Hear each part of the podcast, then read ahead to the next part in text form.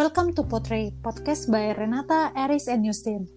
Di episode kali ini, kita bertiga akan ngomongin momen patah hati paling berat yang pernah kita alamin dan gimana sih perjuangan kita untuk memulihkan sakit hati itu. Patah hati atau sakit hati ini nggak selalu berkaitan dengan pacar atau suami, bisa juga dengan teman, orang tua, atau nggak jarang juga kita merasa sakit hati dengan yang maha kuasa. Nah, mungkin Eris dan Justin bisa ceritain dulu momen patah hati yang pernah kalian rasain dan gimana cara kalian memulihkannya. Oke. Dari gue mungkin yang pernah bener-bener ngerasain yang paling berat itu di tahun lalu kayak gue kehilangan ya orang yang gue sayang yang gue sayang pastinya sih gitu uh, apa ya? Hmm, dia ini siapa tin? Dia uh, pasangan gue pasangan oh. gue. Gitu jadi uh, apa ya? Gimana? Kalau lu putus tapi emang lu udah mau putus mungkin ya nggak ada yang ngomong nggak berat juga sih. Mungkin orang lain hmm. juga ngomongnya berat tapi menurut gue menurut point of view gue lebih berat karena bukan gue yang mau putus tapi tapi harus putus gitu. Hmm, harus putus uh, karena memang apa ya, ngomong takdir ya takdir Tuhan lah hmm. gitu kan. Hmm, itu menurut gue kalau ditanya ya berat pasti banget banget untuk uh, apa namanya bangkit lagi gitu. Tapi uh, kalau ditanya sesuai dengan judul ini apa bisa atau enggak uh, menurut gue tuh mungkin perlahan bisa dengan berjalannya waktu. Bukan bisa mesti dilupain enggak sih. Tapi uh, pulih.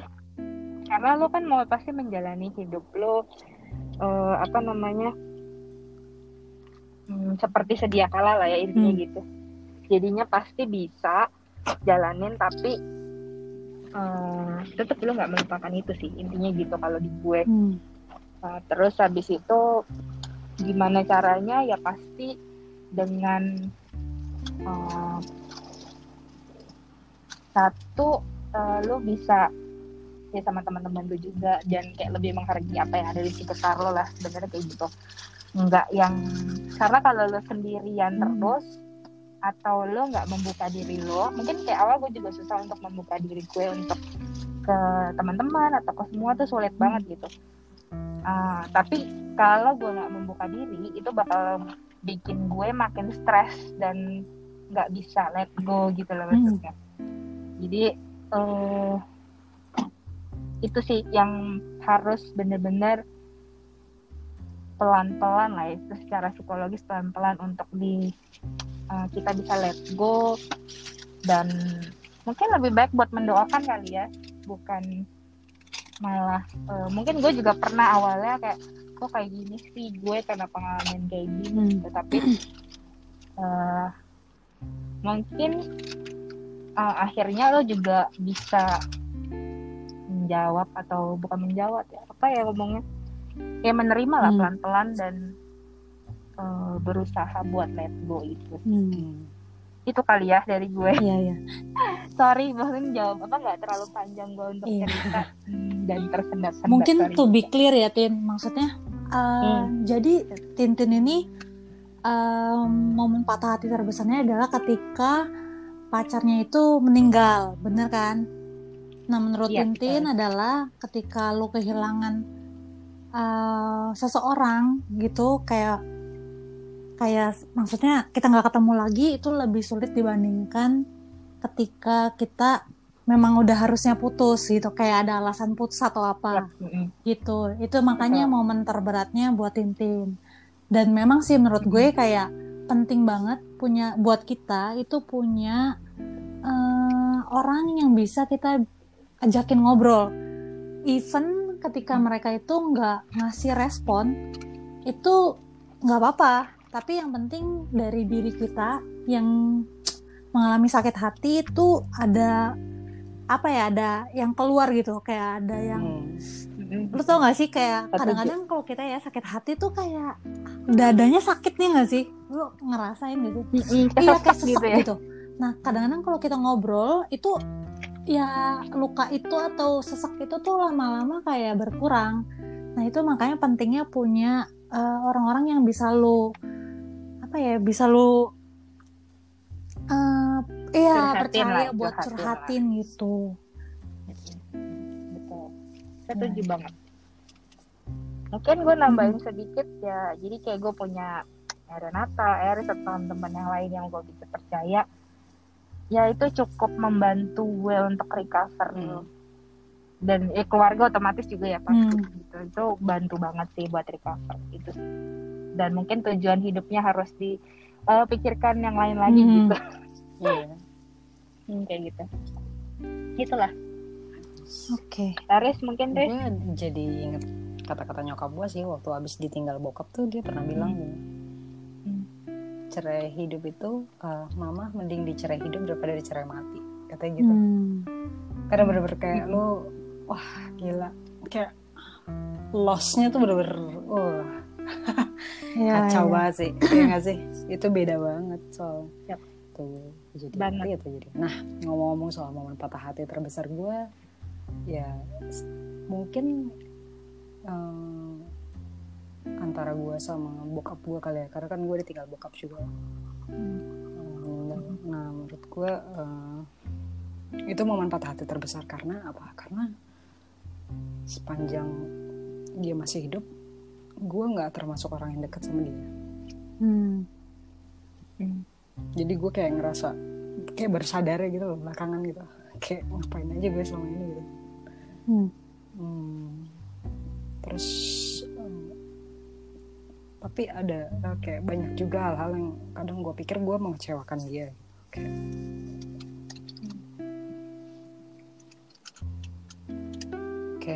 ya apa ya ya banyak lah kita pasti sebagai anak kan ada aja penyesalan kan kayak gitu. Dan Iya, iya. dan waktu nggak bisa mundur lagi. Ya udah. Jadi lo kayak terjebak di antara rasa bersalah dan eh, kehilangan gitu. Hmm. hmm, honestly kalau dibilang gue udah move on udah let go gue nggak tahu Hmm. Eh, kayak ini udah 10 tahun ya udah udah udah mau jalan 11 tahun oh, gue ditinggal bokap tapi tuh kayak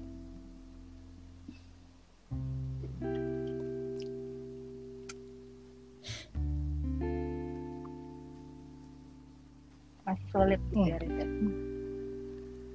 sampai sampai ada satu momen itu gue Hmm. lagi inget masa kecil gue gitu kan terus kayak oh ada bokap gue ada nyokap gue gitu. Terus wah seneng banget gitu. Happy yang yang ada yang muncul itu yang itu yang muncul itu adalah kenangan bahagia gue sama mereka gitu. Tapi somehow gue nangis terus rasa bersalah dan rasa kehilangannya muncul lagi. Itu gue sampai kayak kayak nggak bisa nafas tuh nggak? Sampai sesak- saking kayak Hmm. gue sampai kayak mencoba untuk kayak ngomong kayak gue bisa nggak sih move on? Gue bisa ngelepasin lu nggak sih? Gitu kan kayak it's it's been 10 years and I still can't, can't let you go gitu. Tapi eh, menurut gue obatnya ya memang menerima kondisi sih. Karena udah nggak ada yang bisa lo lakukan kan? Hmm. tapi ya mungkin proses penyembuhannya aja kali yang butuh waktu ya. Karena sampai sekarang pun gue nggak tahu ketika gue em, dihadapkan sama momen kayak ah, gue gue kayak ngebayangin oh harusnya buka pada di sini gitu. Tapi dan itu akan kayak kayak bikin gue sedih lagi ngerasa bersalah lagi gitu. Kayak s- patah hatinya tuh nggak habis habis tau gak sih Iya, iya, iya. gitu itu dari gue Hmm. mungkin ini kali ya sebenarnya kita semua um, bisa dibilang kayak Aris bilang let go tuh bukan let go beneran let go iya gitu. kayak bukan menghapus Tapi- ya Mm-mm. betul jadi semua itu yang nggak ada yang bisa dilupain menurut gua karena di tubuhnya kita tuh mekanismenya semua memori itu ada loh di setiap matangan lo atau di sekecil semua yang ada di tubuh lo itu memendam semua memori lo gitu. Loh jadi mau sampai kapan pun eh, ya pasti kita punya memori itu. Kalau ada yang tersentil lah istilahnya. Hmm. gitu sih. Nggak tahu gue ya mekanisme tubuh kita pun begitu. Jadi hmm, mungkin wajar ya.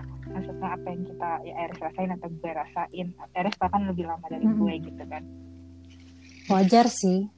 Hmm, namanya manusia ya nggak sih? Maksudnya diciptakan dengan perasaan tuh ya memang ada maksudnya gitu.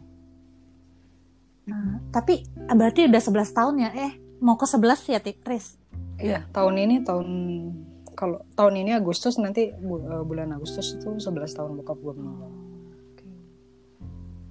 Gitu. Lu Re?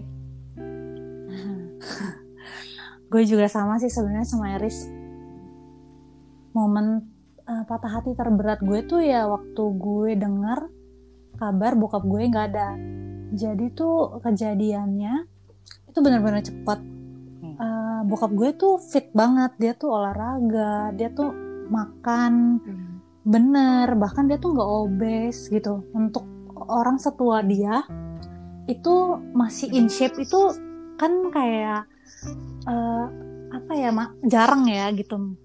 Nah, Mm-mm. tiba-tiba intinya gue waktu itu hari minggu pagi dikabarin kalau eh, bokap gue tuh jatuh. Karena bokap gue tuh waktu itu lagi em, main sepeda. Dia tuh memang kebiasaan tiap hari minggu tuh main sepeda. Hmm. tapi eh, hari minggu itu tuh dia pergi eh, main sepeda terjauh setelah tiga bulan nggak pergi sejauh itu. Eh, Terus kita dikabarin bahwa bokap gue tuh jatuh.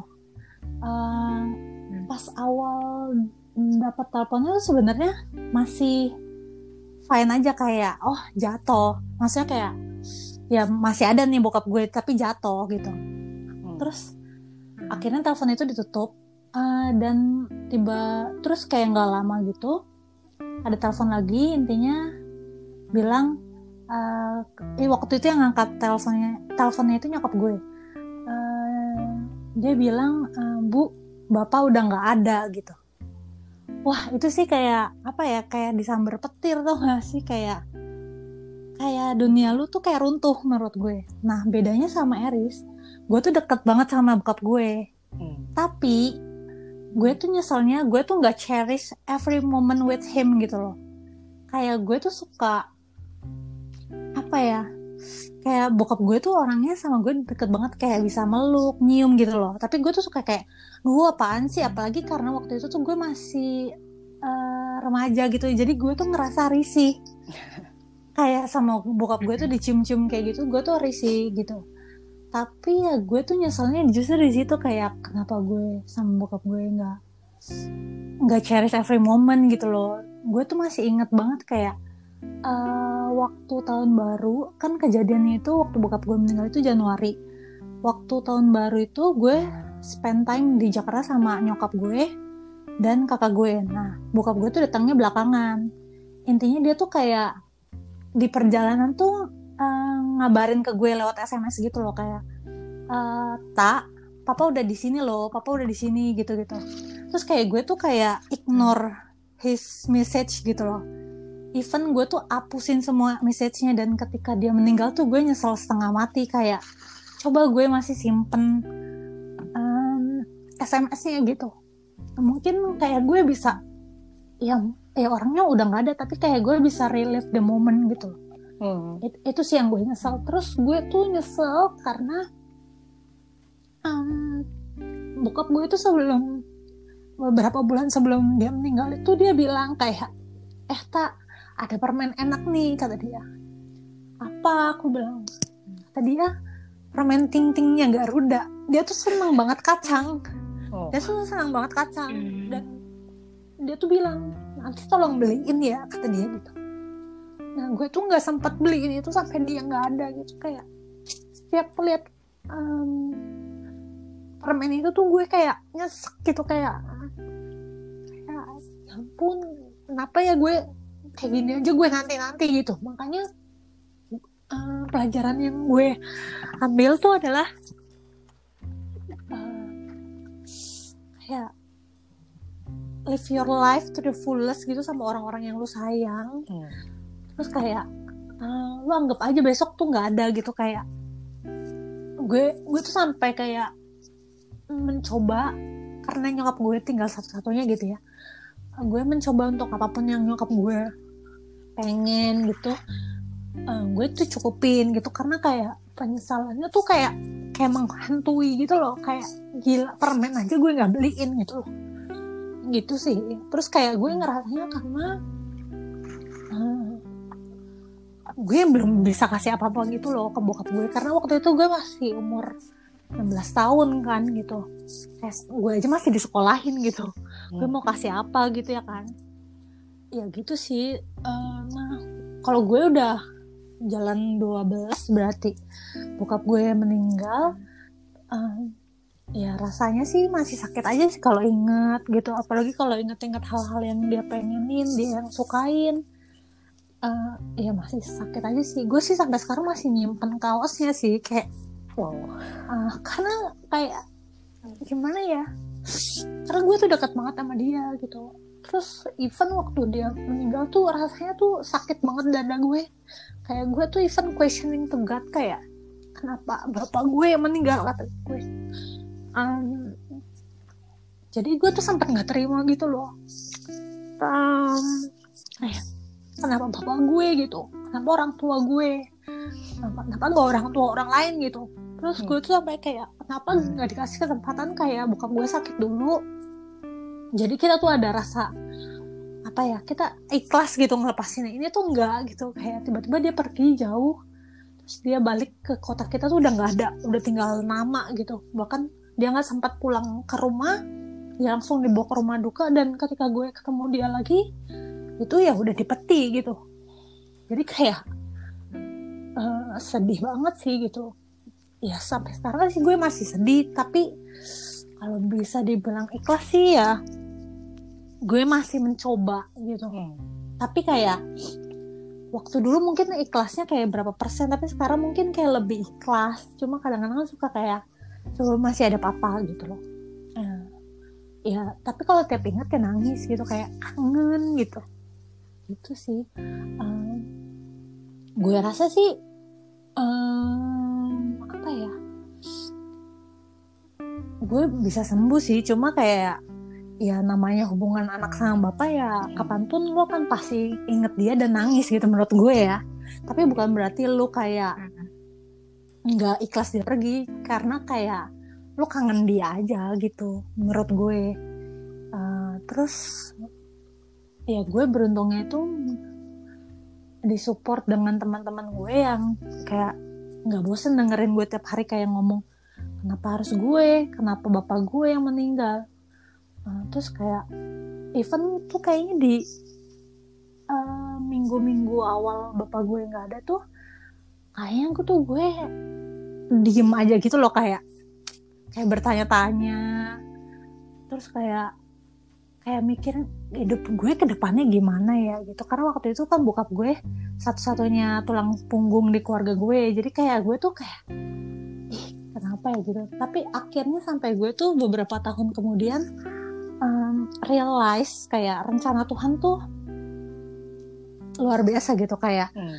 eh, ketika yang gue khawatirin itu nggak terjadi gitu kayak Tuhan tuh kasih semuanya tuh udah siap gitu loh kayak lu tuh dibuat kehilangan itu karena lu bisa. Dan em, lu tuh nggak perlu takut sama masa depan lu. Gue jamin masa depan lu. Gitu loh yang gue terima. Itu ya lo yang gue bikin gue makin kayak oh gitu. Kayak makin plong gitu. Dan gue yakin sih maksudnya di antara semua kehilangan kita gitu maksudnya kayak Eris, Tintin tuh pasti ada hal yang akhirnya lu realize bahwa oh ini loh maksudnya uh, kenapa Tuhan kasih ambil orang yang kita sayang gitu kenapa Tuhan izinin itu terjadi di hidup kita gitu? Karena Tuhan tahu kita mampu dan ya Tuhan mau kasih yang lebih besar gitu masih kasih yang lebih indah. Ya memang ya maksudnya namanya kehilangan orang yang dicinta tuh kalau bisa nggak dikasih apa, apa lagi gitu. Maksudnya kayak ya nggak bisa ditukar maksudnya ngerti gak sih? Nggak jadi perbandingan. Tapi tapi ya uh, semua yang lu khawatirin tuh nggak nggak akan terjadi kok gitu. Maksudnya kayak lu tetap bisa hidup bahagia lu bisa tetap lanjutin hidup lu dengan baik-baik aja gitu. Amin. Ya menurut gue gitu sih.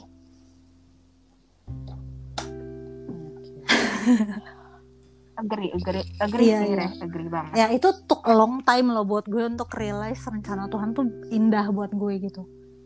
Dan iya. menurut gue sih uh, jangan apa ya buat semuanya yang mungkin dengerin gitu. Dan dalam saat ini sedang merasa patah hati apa pun itu tentang kehilangan pacar putus atau apa uh, gak apa gitu. Maksudnya uh, ambil momen buat diri lo bersyukur untuk apa pun yang lo udah punya sekarang gitu. Dan kayak coba ikhlas gitu karena kadang-kadang ikhlas itu adalah salah, salah satu obat paling manjur untuk setiap sakit hati yang lu terima gitu. Kayak mencoba ikhlas mencoba ikhlas dan berdoa sih. Maksudnya mendekatkan diri lu sama Tuhan. Dan jangan pernah mikir kayak ah setahun gue pasti sembuh. Uh, please jangan ngomong kayak gitu. Karena setiap orang tuh punya timelinenya beda-beda. Dan menurut gue namanya rasa sakit hati orang tuh nggak ada waktunya kayak lu minggu depan sembuh kok. Lu uh, bulan depan sembuh kok. Nggak kok gitu nggak apa-apa. Maksudnya lu jalanin aja prosesnya karena hmm. setiap kesakitan yang lu rasain tuh bikin lu makin kuat gitu loh menurut gue gitu ya yes. agree banget sama satu lagi mungkin yang gue bisa dapat learningnya adalah um, setiap orang tuh mungkin lo liatnya happy happy aja tapi uh, sebenarnya banyak kok yang ngerasain mungkin yang kayak lo yang sekarang lagi ngerasain hmm. juga kita juga kok pernah ngerasain. Jadi um, lo nggak yeah. sendiri gitu maksudnya. Tapi lo bisa berbagi sama teman yang bisa lo percaya hmm. juga gitu. benar benar benar. Berat ya? Iya. Episode Tapi ini tuh harus jujur berat banget. Betul betul. Tetap harus dijalani. Iya. nggak usah iya. ini sih nggak usah takut kayak uh, masa gue nggak bisa move on move on gitu tapi ya, ya memang semuanya butuh proses hmm. gitu dan bener kata Renata sih gue pun butuh waktu lama untuk akhirnya gue menyadari ya semua tuh udah diatur ngerti gak sih kayak mm -hmm. skenario nya itu udah udah ada udah disiapin buat lo di saat bokap lo nggak ada atau di saat pasangan lo nggak ada apa yang terjadi sama lo tuh udah udah ada rangkaian skenario nya. Yang yeah. lo perlu lakukan lo jalanin. Gitu. proses penyembuhan itu berjalan seiring sama berjalannya waktu dan kehidupan lo gitu. Hmm, benar ada yang mau ditambahin lagi guys?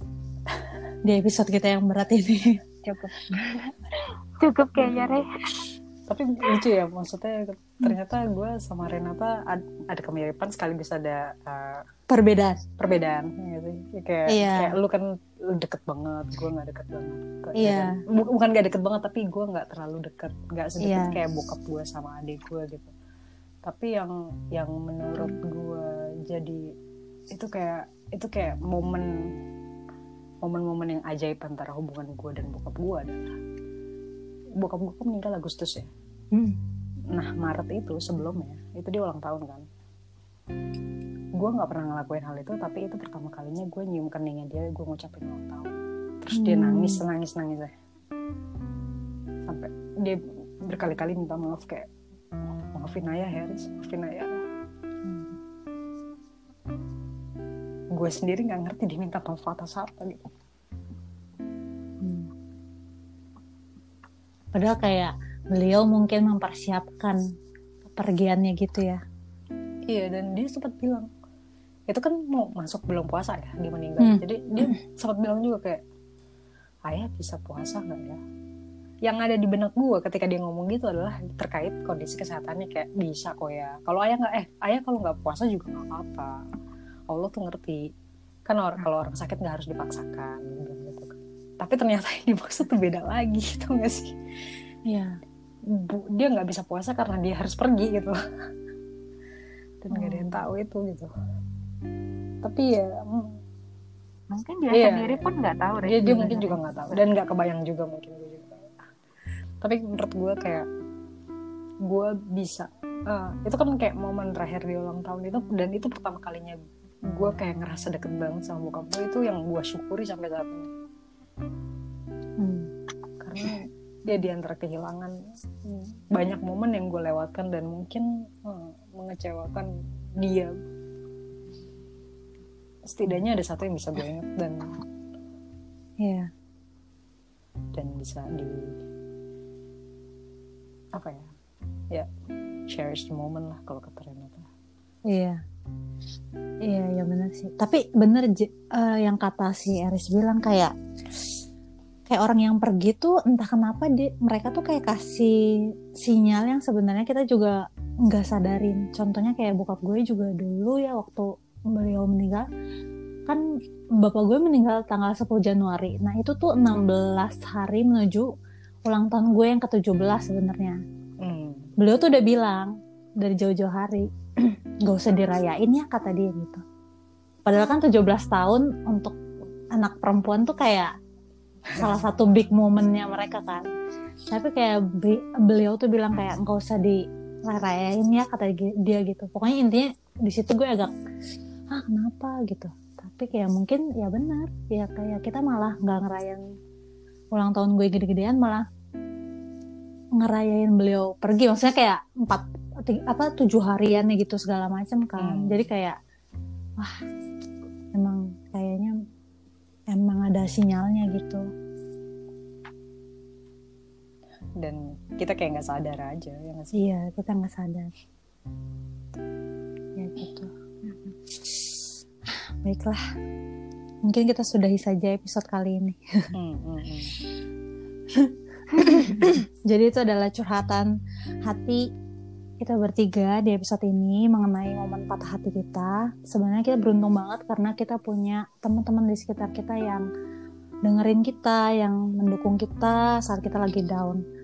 Eh, karena nggak jarang sebenarnya ya, apa namanya orang-orang di luar sana yang merasa kesulitan untuk berbicara dengan orang-orang sekitarnya mungkin karena malu, karena merasa ya masalah gue tuh nggak penting padahal enggak kalian tuh penting masalah kalian juga penting gitu. Jangan pernah mengecilkan apa pun yang kalian rasain karena kadang-kadang kalau kita memendam perasaan dikit demi dikit nggak ada yang tahu kapan meledaknya dan seberapa Hmm. besar meledaknya itu. Makanya menurut gue itu penting banget kita bisa luapin apa pun yang kita rasain gitu. Meskipun mungkin orang yang kita ceritain itu nggak kasih respon it's okay gitu. Kadang-kadang kita cuma pengen didengerin gitu ya kan? Hmm. Ah, makanya Potray akan membuka segmen baru yaitu mereka bercerita. Jadi kalian bisa cerita apa pun yang kalian rasain dan kita akan bacain mm, tanpa menyebutkan nama kalian yang sesungguhnya. Jadi identitas kalian akan kami rahasiain. Kalian bisa kirim cerita kalian melalui DM Instagram at potray.podcast atau simply send an email to us at potray.podcast at gmail.com. Harapannya masalah kalian masalah yang kalian hadapin ini bisa jadi penguat untuk teman-teman yang dengar yang memiliki masalah serupa. Jadi we are in this together gitu jangan pernah merasa sendiri. Eh, so thank you banget buat semuanya yang udah dengerin Potri podcast dengan setia. Semoga kalian selalu tetap sehat tetap patuhi protokol kesehatan and see you. Bye bye